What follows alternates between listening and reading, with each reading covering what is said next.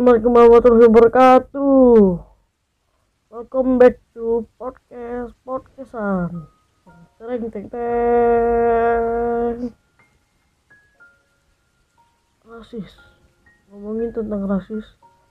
Banyak banget di dunia kasus rasisme dan pendiskriminasian kepada orang kulit hitam. Contohnya yang baru viral kemarin, kematian George Floyd.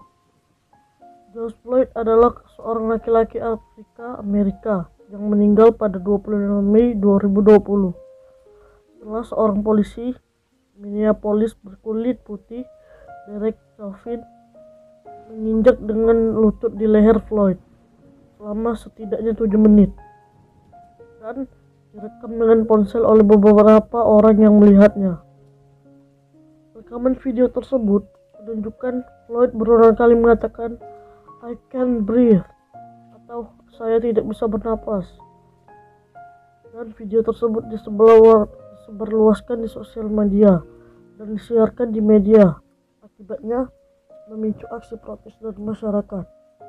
Hingga hashtag Blackout Tuesday dan Black Lives Matter menjadi trending di sosmed. Kenapa harus rasis? Sebuah pertanyaan dari saya pada seluruh orang yang bertindak rasis. Apakah warna kulit jadi pegangan orang agar bisa hidup? Jadi, tidak usah ada pendiskriminasian kepada setiap warna kulit. Satu hal yang harus diingat, no one is perfect. Bukanlah, bukankah pelangi indah karena perbedaan warna?